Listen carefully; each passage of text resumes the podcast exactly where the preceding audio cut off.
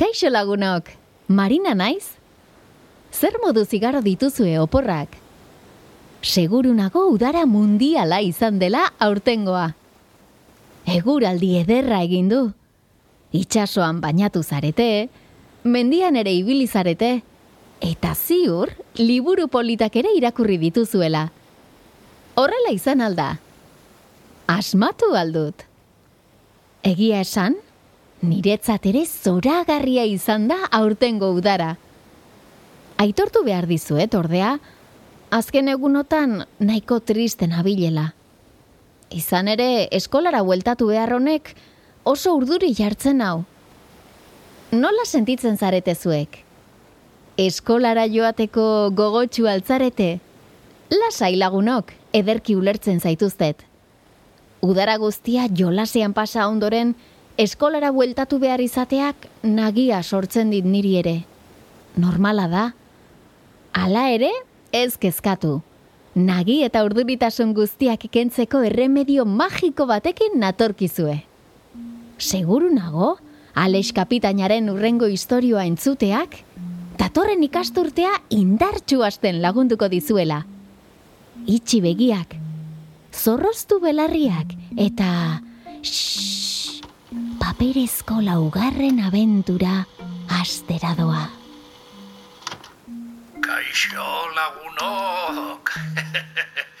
Alex naiz, paperezkoa izeneko vaporearen kapitaina, eh? Zer moduz, eh? Udara guztia handik eta hemendik bidaiatzen igaro dut, eta nekatu xamar nago. Ah, jene, konturatu gabe, mm, zahartzen ari naizela uste dut denbora azkarregi pasatzen da. Irailean sartu berri gara, eta badakizuetako asko urduri zabiltzatela eskolara bueltatu beharko duzuelako. Txekia nintzenean niri ere antzeko zerbait gertatzen zitzaidan, bai. Udara guztia itxasuan nabigatzen igarotzen nuen amatxorekin. Arrantzan, igerian, uh, trampolinetik saltoka, Oporretako egun guztiak kolasean eta algaraka igarotzen dituen. Irailean eskolara bueltatu behar izateak aserre bizian jartzen ninduen. Amatxo, ez dut eskolara joan nahi, ez, ez dut nahi. Oiukatzen nuen negarrez. Ikastetxeko atea zeharkatu orduko ordea, umorea guzti zaldatzen zitzaidan. Nire lagun guztiekin jolastokian elkartzeak, ai, zorion egiten ninduen. Bapatean, uda osteko lehen eskola eguna kurteko egunik politenak bilakatzen ziren.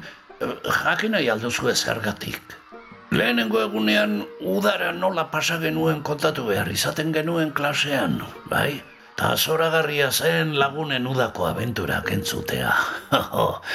Batzuk, egazkinean urrutira joaten ziren. beste batzuk aiton amonen herrira. Ondartzako toldoan eguna pasatzen zituenaren abenturak entzutea ere zoragarria zen. Kampineko abenturak, herriko festetan tio bibotan zilipurdika ibiltzen zainik ere bazen. Ai, ama. Berriz ere lagunekin elkartzeak, eta euren abenturen berri izateak, eskolako lehen egunak zoragarri bihurtzen zituen.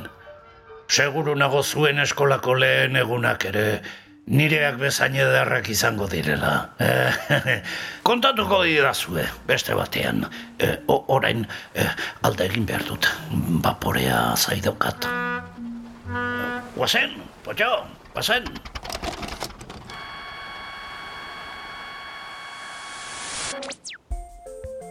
Agian alexek arrazoi dauka, eta eskolara bueltatu behar izatea, ez da horren ideia txarra.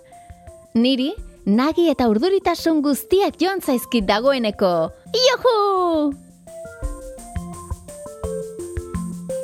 Entzun duzun podcast hau garoa liburu dendak eta ulu media ekoiztetxeak elkarlanean egina da.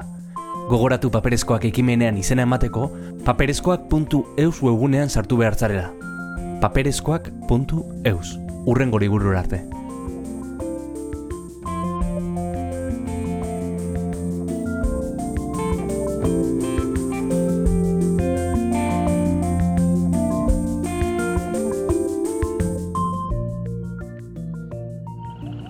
Ei, txt, entzun hori. Ulu Media.